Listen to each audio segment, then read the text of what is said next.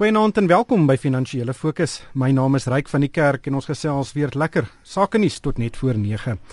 Soos gewoonlik is daar twee beleggingskenners saam met my om hieroor te gesels. Uh, Johan Gous van Absa Multibestuur is saam met my in die ateljee. Goeienaand Johan. Goeienaand Ryk. En op die lyn uit Pretoria is Dawie Klopper van PSG. Goeienaand Dawie. Goeienaand Ryk en Johan.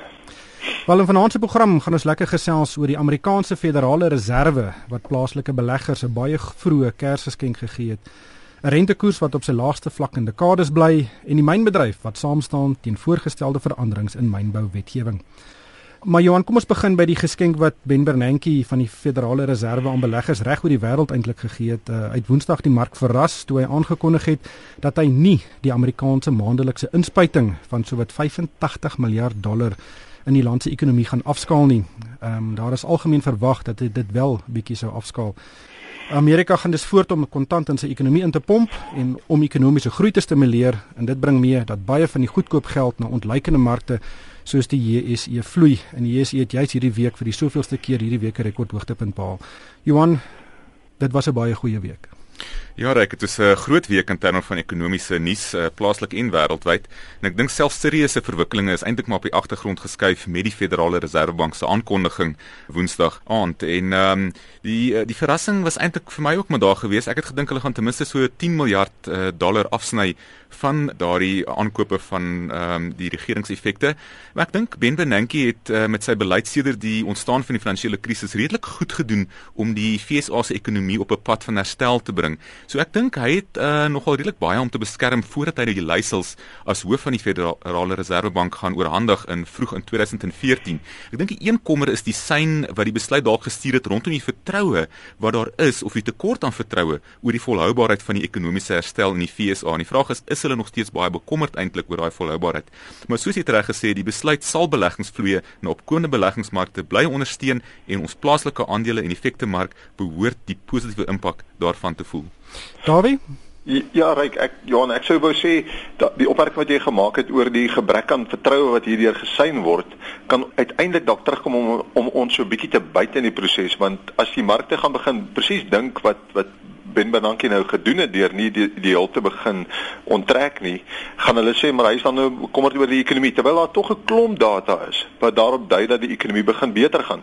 Nou verstaan ek dat hy bang is dat hy voortydig die die brose herstel dalk gaan 'n bietjie ontmoedig deur dan nou te begin 'n bietjie van die hulp terug te trek. Ek dink hy is bekommerd dat die effekte mark die die die staatseffekte mark verder sal opskop as hulle dit begine doen, maar dan aan die ander kant sê ek terselfdertyd maar die mark het hierdie ding 100% verwag en dit ingeprys. Ek dink nie hy moes eintlik van die verwagtinge wat hy self geskep het en wat in allerweë geskep was weggestap het nie. Hierdie normalisering moet plaasvind. Ek weet die mark is geneig, die finansiële markte is geneig om hierdie klas van ehm um, stappe en nuus baie vinnig in te prys, baie vinniger as wat die reële ekonomie daarop kan reageer. En nou die feit dat die staatseffekte koers opskop beteken dat die koste om geld te leen om die huismark verder te bly stimuleer word 'n bietjie word duurder.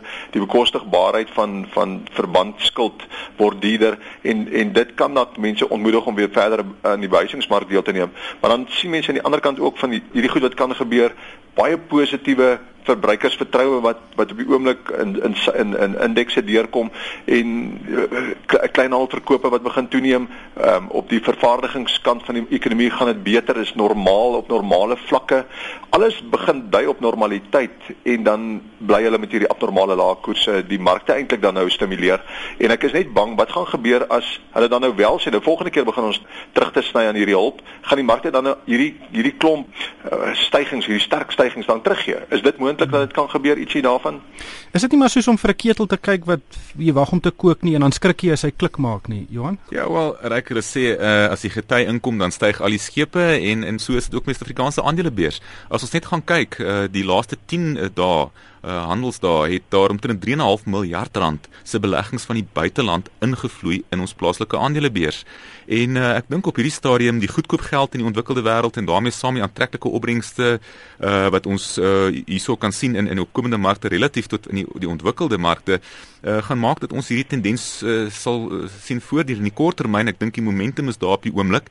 Uh, en net so, ek dink weet Dawie raak 'n baie baie goeie punt aan om te sê, weet, wat gaan gebeur as hulle wel nou besluit om dalk dan die ehm um, hulp te begin terugtrek. Uh, maar ek dink ook dan weer die swakke rand op die oomblik is besig om dit uh, vir buitelandse beleggers baie aantreklik te maak uh, om hierso by ons te kom uh, belê want onthou hulle kan met hulle dollars nou meer aandele in rand koop en sou ons mark dan bly styg en ons rand versterk, gaan hulle beide die voordeel van die markgroei sowel as die wisselkoers voordeel kry. Hmm. Daarby ons is nou deur 44000 punte. Weet as ons 'n 10% regstelling het uh, of 'n tegniese regstelling het, dan is ons nog steeds by 40000 punte wat steeds baie baie sterk is. Ja, dit is dis inderdaad waar. Ek dink die die interessante van van die van die 44000 en die mense se reaksie daarop, die beleggers se reaksie daarop is om mense wil amper sê allerweet te sê, maar nou is die mark te hoog, nou kan ons nie verder toetree nie. Ons moet nou 'n bietjie wag. Ons moet wag vir een of ander tipe van 'n regstelling. Ek dink die ding wat mense hier moet dalk begin raak sien, dis dis vir my baie positief dat, dat daar so versigtigheid is. Punt nommer 1, daar's nie allerweë optimisme dat die mark net besig is om te styg nie. Ek dink wanneer dit gebeur die dag, dan moet ons begin besef nou is die mark besig om te hoog te raak. Hier's geweldige versigtigheid. En dit is dit is vir my goed dat dit wel teenwoordig is. Ek dink as mens ek wil graag dit tog noem. As mens gaan kyk wat het gebeur vorige kere nadat die mark so skerp teruggesak het, um, soos wat hy dan nou in 2008 gedoen het en dan het hy geherstel tot by sy vorige hoogtepunt wat op daai stadium um, hier by die 32000 punte vlak was. Wat het in die volgende 2-3 jaar daarna gebeur? Dan het ons gesien in die verlede, in die vorige 5 of 6 keer wat die mark so geweldig skerp gedaal het, het die beurs in die volgende 24 tot 36 maande na daardie bereiking van die vorige hoogtepunt weer 'n keer verdubbel. Dit sou impliseer dat daar nog wesentlike stygings in ons beurs oor is. Ja, met met korreksies van tyd tot tyd tussenin, maar dan nog in wese nog wesentlike stygings oor is. En dan moet mens vra waar kan dit vandaan kom? As ek dit dan op die tafel wil sit, dan moet jy begin sê dit wat Johanna aangeraak het van die rand wat swak is, die die ekonomie wat daardeur eintlik bevoordeel kan word dat ons kan begin sien dat ons volgende jaar uitvoer geleide herstel in die ekonomie kan begin kry as dit saamgaan met die internasionale markte wat herstel, dan is dit vir al ons hulpbronmaatskappye wat uiteindelik moet begine styg en en hierdie beter verwagtinge beginne inprys en wat die indeks verder kan hoor vat. Ehm um, alle gaan dit nou gepaard met uh, tussentydse wisselvalligheid. Hmm. Johannes het ook gesien dat die rand hierdie week weer baie verstewig het grootliks vanweë daai invloed van buitelandse fondse. Dink jy daar's 'n groot risiko dat die rand skielik kan verswak indien daai afskaling begin in Amerika?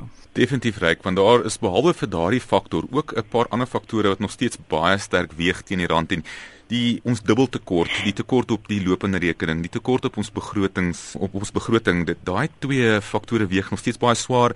Die onrustigheid wat daar nog steeds is in terme van spesifiek die mynbou sektor wanneer dit kom by arbeidsonrus, uh, daar ook 'n kommer. En dan gaan ons natuurlik nou in 'n seisoen in gaan waar ons begin 'n oploop gaan kry na die verkiesing volgende jaar en uh, ek dink die wêreld sal ook baie fyn daardie situasie dophou. Op die oomblik sien uh, is die is die is die siening van van spesifiek van uh, uh, Absa Capital se kant af dat ons teen die einde van die jaar dalk nog 'n swakker rand van die huidige vlakke af kan sien en ek dink dit sal definitief waar wees sou uh, die Federale Reservebank miskien volgende maand al dan begin om terug te trek op daardie uh, stimuluspakket. Hmm. Kom ons selfs 'n bietjie oor die, die rentekoersbesluit uh, en die inflasiesyfers wat hierdie week bekend gemaak is. Dawie, uh, dit was nie 'n verrassing dat Jill Marcus eintlik rentekoerse onveranderd gelaat het nie. En dit beteken dat rentekoerse nou nog steeds op hulle laagste vlak sedert die 1970s is. Die rentekoers op die oomblik is eintlik ons mees stabiele finansiële instrument. Interessant ja en dat hulle en soos jy reg sê geen verrassing dat hulle dit nie gedoen het nie ten spyte van die feit dat die inflasiekoers bietjie begin opkruip. Natuurlik die verwagting dat hy op 'n boonse draaipunt bereik het en dat hy vanaf 'n bietjie kan terugbeweeg.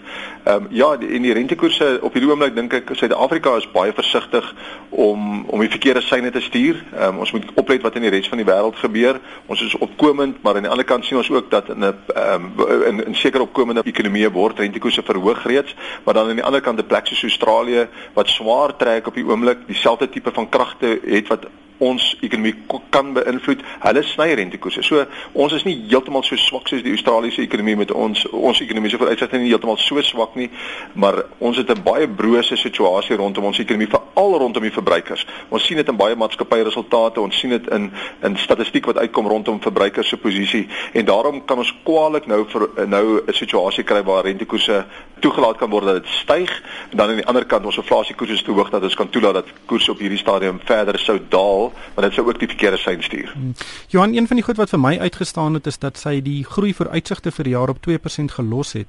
En dit is nadat sy uh die afgelope jaar die die groei verwagtinge twee keer afwaarts aangepas is. Uh die, Wat is jou siening daarvan? Ja, dis eintlik 'n positiewe sein dat daar nie weer 'n afwaartse aanpassing was nie en miskien hopelik kan ons dalk sien dat sy self weer in die volgende maand of twee dalk 'n opwaartse aanpassing kan maak as ons gaan kyk na wat in die res van die wêreld gebeur, want daar is beter nuus uit Amerika, uit Japan, uit die Verenigde Koninkryk en ook uit China gewees die laaste maand of so en hopelik kan ons van daai voordeel trek uit ons uitvoere uh byvoorbeeld, maar ek dink daai op sigself is al reeds 'n positiewe sein. Hmm. Daar wie sy verwag ook groei van meer as 3.5% aanstaande jaar. Uh dink dink jy dis moontlik? Waar waar dink jy kan daai groei vandaan kom? Ja, dis amper nou eh, in lyn met my stelling van net dat ons kan begin sien dat hier iets van 'n uitvoergeleide herstel kan kom in Suid-Afrika. Ons moet onthou in die verlede was dit die herstel wat wat telke male goeie goeie ekonomiese groei tot gevolg gehad het. Nie hierdie verbruiksbesteding wat gebaseer is op skuld nie, maar 'n goeie situasie rondom 'n swakker rand waar kommoditeitspryse tog aan daai sterkte wat Johan nou na uitverwys het hierdie klomp wêrelddele wat begin beter gaan,